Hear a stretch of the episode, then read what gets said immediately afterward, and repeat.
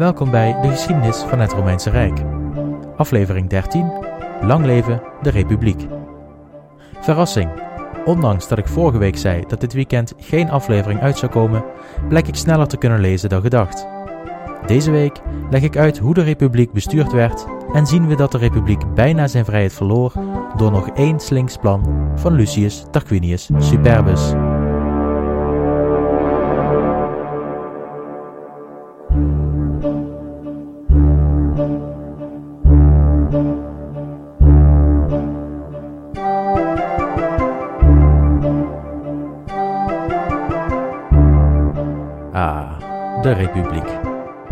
We zijn in het jaar 509 voor Christus.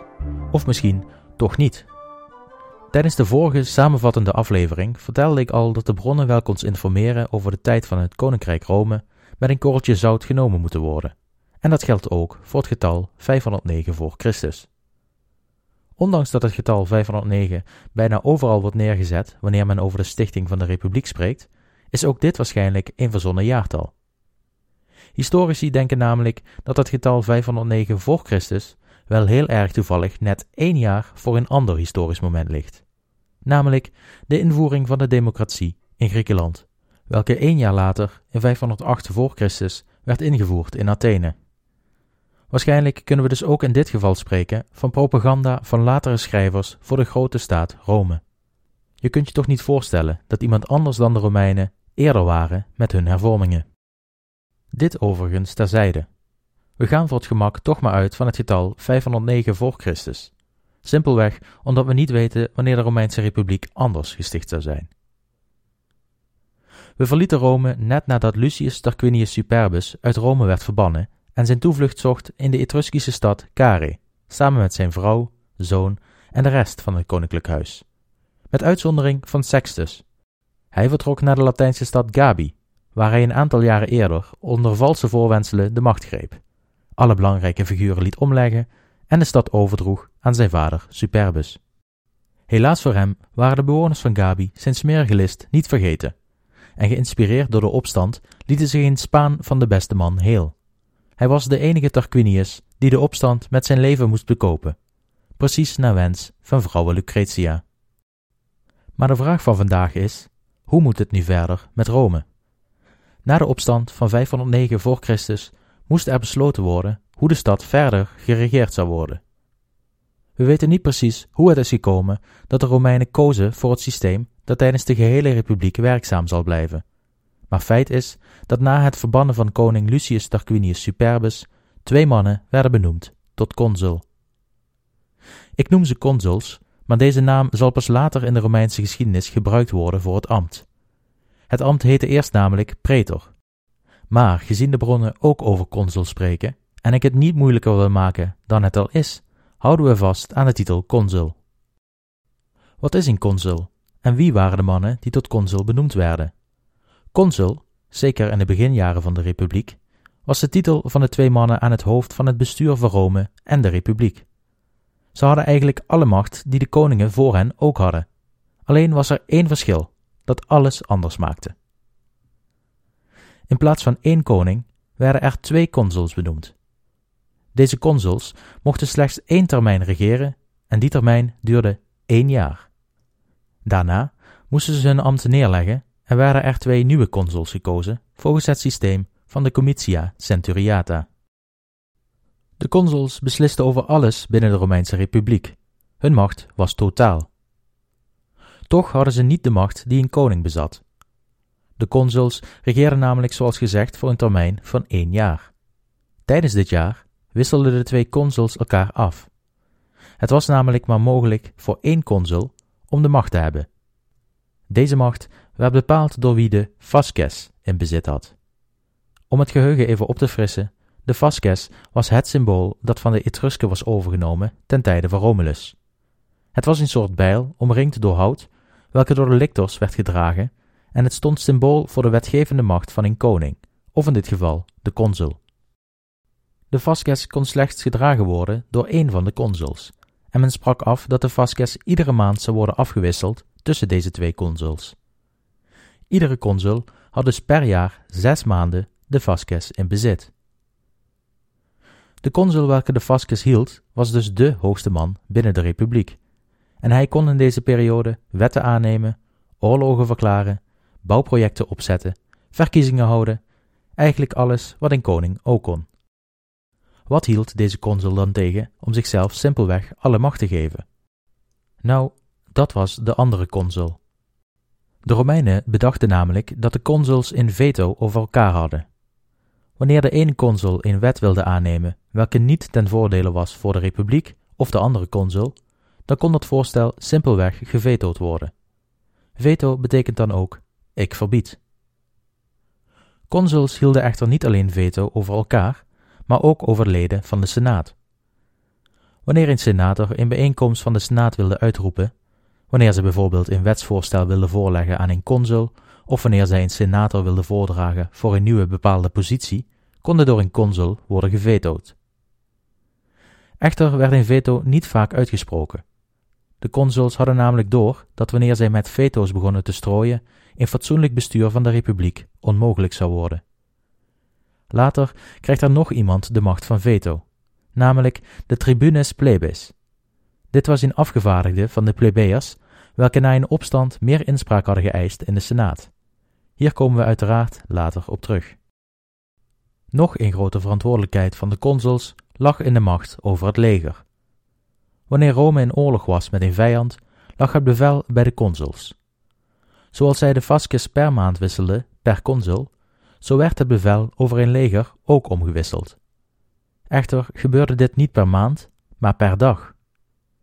Zeker in de vroege Romeinse geschiedenis kwam het vaak voor dat één leger werd aangestuurd door twee consuls. Later, wanneer de legers van Rome groter worden, is het vaker zo dat beide consuls een apart leger aansturen. Er was echter nog één wapen dat de consuls konden verkrijgen. Ik zeg verkrijgen omdat ze dit niet zelf konden uitroepen. De Senaat had namelijk de bevoegdheid om een consul de Senatus Consultum Ultimum te geven. Dit is te vergelijken met een noodtoestand en kan worden vertaald naar de laatste daad. Dit hield in dat de consul zich tijdelijk niet hoefde te houden aan de wetgeving en alles mocht doen wat hij nodig achtte om een bepaald doel te bereiken. Dit werd gebruikt wanneer het bestaan van de republiek werd bedreigd. Een voorbeeld.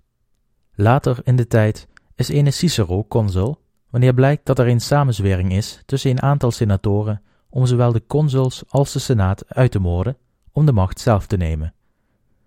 Wanneer de senaat achter deze plannen komen, roepen ze de laatste daad uit en krijgt de consul die op dat moment de fasces houdt, Cicero, een vrijbrief om alles te doen om de samenzweerders uit te schakelen.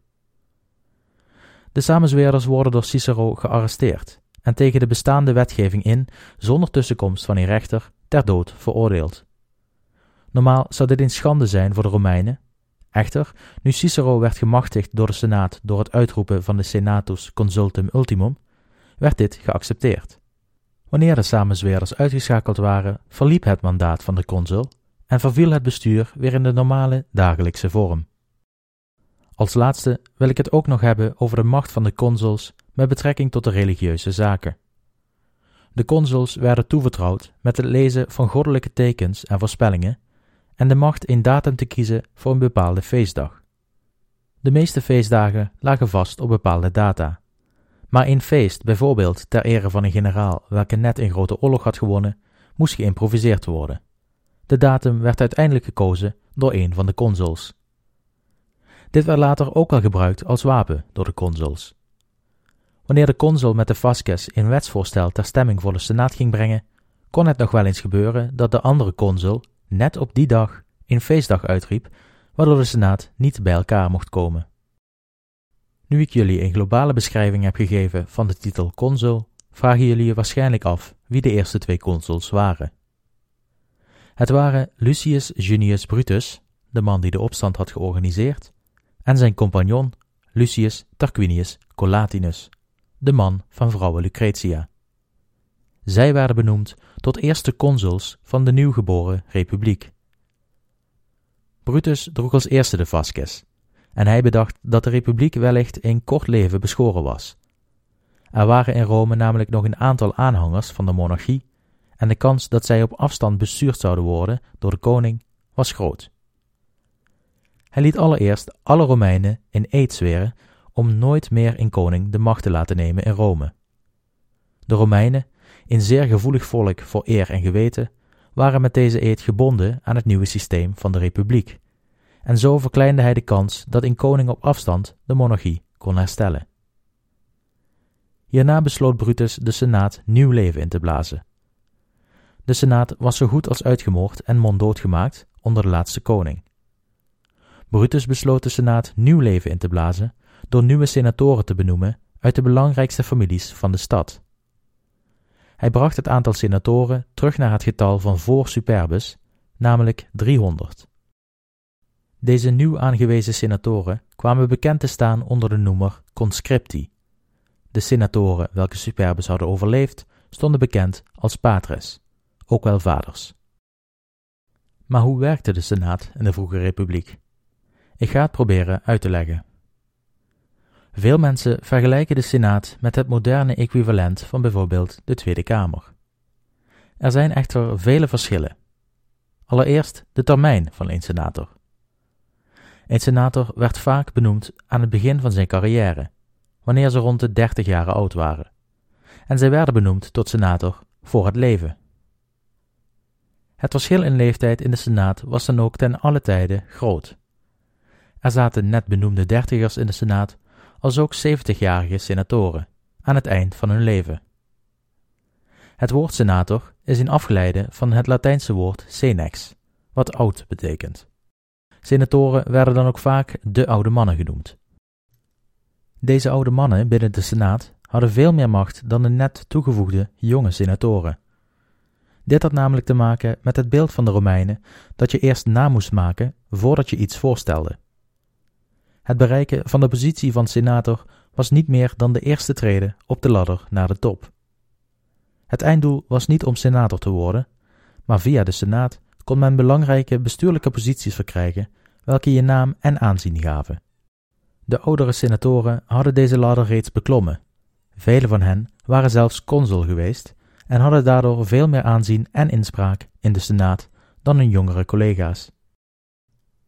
De Senaat was een zeer hiërarchisch ingedeeld systeem. De consuls spraken als eerste tijdens een vergadering.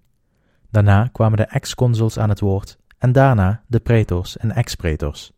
Een titel waar ik in een van de volgende afleveringen meer over vertel. Als allerlaatst mochten de jonge senatoren, welke nog geen bestuurlijke ervaring hadden, spreken, maar vaak was de beslissing dan al gevallen. De jonge senatoren, welke net toegevoegd waren aan de Senaat, werden ook wel pedari genoemd, wat lopers betekent. Dit komt door het volgende. Stemmingen in de Senaat werden niet georganiseerd zoals we dat nu doen, met het opsteken van handen of het roepen van ai en nee. De beslissing werd genomen door op te staan en je te verplaatsen naar de persoon welke je steunde in debat. Dit waren uiteraard vrijwel altijd de oudere senatoren, omdat zij het aanzien hadden om zich over bepaalde zaken uit te spreken. De jongere senatoren brachten vaak niks verbaals in, maar hun invloed werd slechts beperkt naar de kant welke iemand opliep. Vandaar de term lopers. Deze lopers zaten ook altijd op de achterste banken van de Senaat, waar de oudere, belangrijkere senatoren op de eerste rang van de Senaat zaten. Binnen de Senaat bestond er ook een rol voor, zoals we tegenwoordig zouden zeggen, de voorzitter. De voorzitter heette de Princeps Senatus, vrij vertaald naar eerste senator. Dit was de man met het meeste gezag en aanzien binnen de Senaat en met de dikste vinger in de pap onder de andere senatoren. Dit was meestal een van de ex-consuls van het jaar ervoor. Deze voorzitter had de macht om de Senaat bij elkaar te roepen om wetgeving voor te stellen aan de consuls in naam van de Senaat. En hij had de macht om de orde te handhaven tijdens de vergaderingen van de Senaat. Hij besloot namelijk wie als eerste het woord kreeg wanneer er twee senatoren van gelijk aanzien en macht wilden spreken. De voorzitter had een hoop macht en de positie bracht veel aanzien. Daarnaast had de princeps senatus meer inbreng dan de andere ex-consuls. De voorzitter mocht namelijk altijd als eerste het woord voeren wanneer een consul nieuwe wetgeving inbracht voor stemming. Hiermee beïnvloedde hij vaak wat de rest van de senatoren zouden stemmen. Nu gaan we kijken naar hoe de procedure van stemming plaatsvond in de Senaat. Wanneer een consul een wet voor wilde leggen aan de Senaat, moest deze eerst bij elkaar geroepen worden. Eerst werd er gecheckt of er geen feestdag was of dat er slechte voortekens waren. Wanneer dit niet het geval was, kon de Senaat bijeengeroepen worden. Dit kon worden gedaan door een van de consuls, een pretor, de voorzitter en later ook door de tribunes plebis. Wanneer de Senaat bij elkaar geroepen was, begon de consul met het voorlezen van zijn wet en bracht hij argumenten in waarom deze wet aangenomen moest worden. Hierna werd het woord overgedragen aan de Senaat om te debatteren. Zoals zojuist gezegd, was het eerste woord aan de princeps senatus, of eerste senator, welke zijn idee over de wet naar voren bracht en daarbij ook argumenten inbracht waarom hij vond dat de wet goed of slecht was. Na de eerste senator mochten de andere ex-consuls het woord nemen en hun steun of afkeur uitspreken over de wet, onder begeleiding van de eerste senator. Hierna mochten de pretors hun visie uitspreken en wanneer zij waren geweest, de rest van de senaat. Echter bepaalde de consul wanneer er genoeg gedebatteerd was en wanneer er gestemd moest worden. Vaak kwamen alleen de belangrijkste senatoren aan het woord, de ex-consuls, en wanneer zij hun zegje hadden gedaan, werd de stemming uitgeroepen. Dit is het moment dat de lopers en andere senatoren opstaan om een kandidaat te steunen. Zij schaarden zich achter de senator, welke het meest gepassioneerd voor of tegenstander was van de wet, en zo werd bepaald of de wet de zegen van de senaat kreeg of niet. Als de senaat de wet zou afkeuren, was het antwoord aan de consul nee, en werd de wet niet verder in behandeling genomen, totdat een consul het nog eens zou proberen voor een nieuwe ronde. Wanneer de Senaat de wet echter goedkeurde, moest er nog één stap genomen worden voordat de wet echt aangenomen zou worden, namelijk de Comitia Centuriata, ook wel de volksvergadering genoemd. De volksvergadering was het laatste obstakel voor een wetsvoorstel. Wanneer de Senaat een goedkeuren had uitgesproken, kwam er een pauze van drie dagen voordat de volksvergadering zich over de wet zou buigen. Dit was zodat het volk de tijd had om na te denken over de nieuwe wet. Na de drie dagen werd er op het forum een podium opgezet waar de consul met de Vasquez plaats zou nemen. Hij was voorzitter van de volksvergadering. Wanneer de consul de vergadering opende, deed hij dat op dezelfde manier als in de Senaat. Hij nam het eerste woord en vertelde over de nieuwe wet en gaf argumenten waarom deze nieuwe wet een goed idee was. Wanneer hij uitgesproken was, opende hij het debat. De manier hoe gedebatteerd werd lag volledig in handen van de consul. Alleen hij mocht mensen aanwijzen die het podium op mochten om het woord te nemen. En, surprise surprise, dit waren altijd voorstanders van de wet.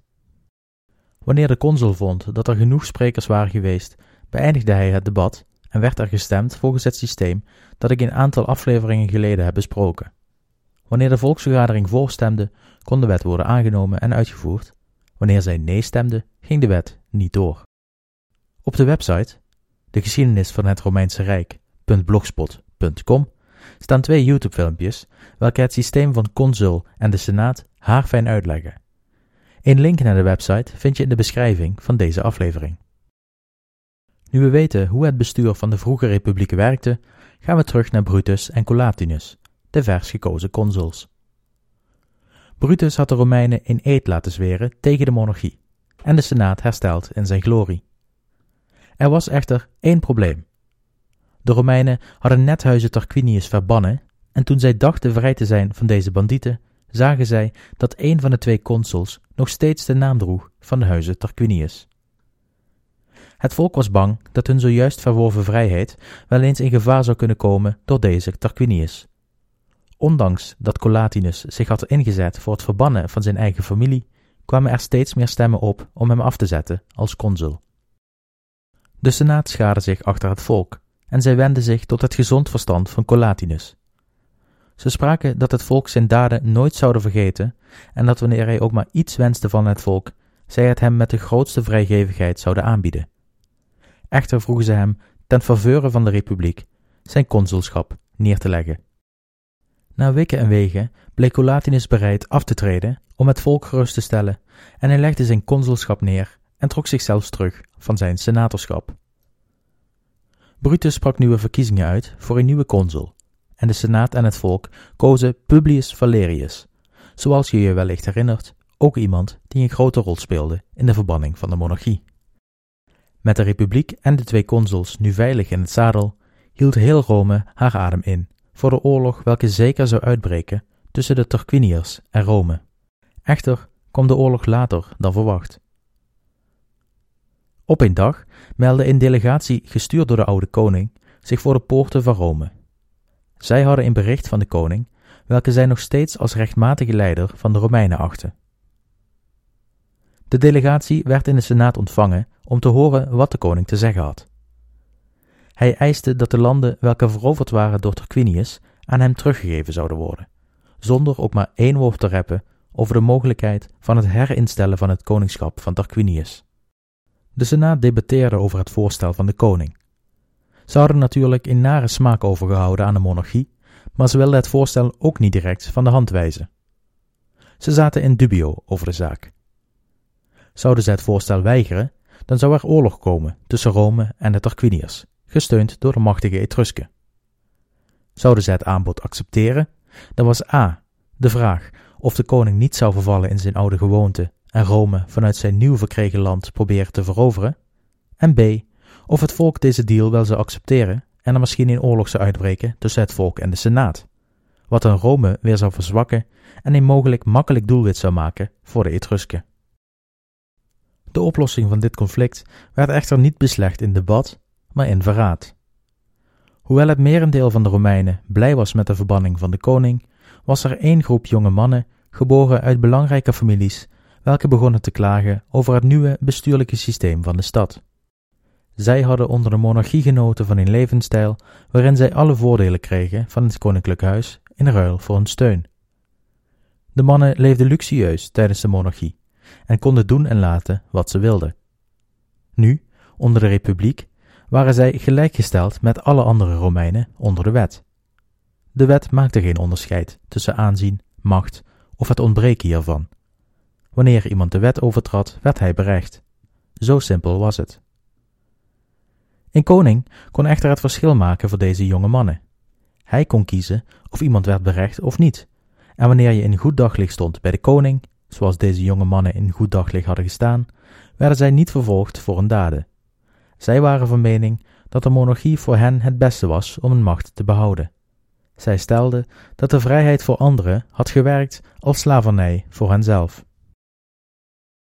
Toen de delegatie de stad binnen werd gelaten en zij bij de Senaat hun verhaal hadden gedaan, werd er al snel contact gezocht met deze groep jonge mannen.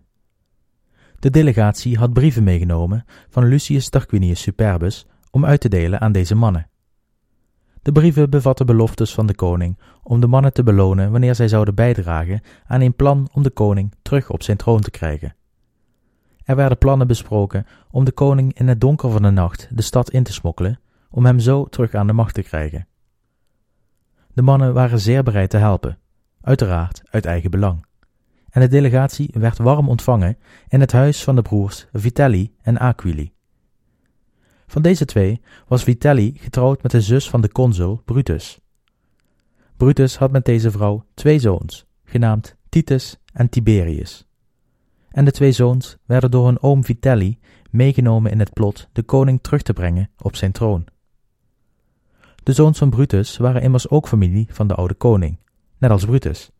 En ook zij zouden de vruchten plukken wanneer de oude koning de scepter weer zou zwaaien, en dus deden zij mee in het plot. Er waren naast deze vier uiteraard nog meer mannen in het complot, echter zijn hun namen verloren in de tijd. In de tussentijd draaide het sentiment in de Senaat. Ze bleken banger voor Tarquinius dan voor het volk, en het leek erop dat de Senaat zou instemmen met het voorstel van Tarquinius om hem het land terug te geven, welke hij als zijn eigen zag. Echter stonden de landen welke teruggegeven moesten worden aan Tarquinius vol met gewassen, en deze moesten eerst nog geoogst worden voordat de landen teruggegeven konden worden. Dit proces nam tijd in beslag, en dus mocht de delegatie nog een langere tijd in Rome verblijven totdat dit proces voltooid zou zijn.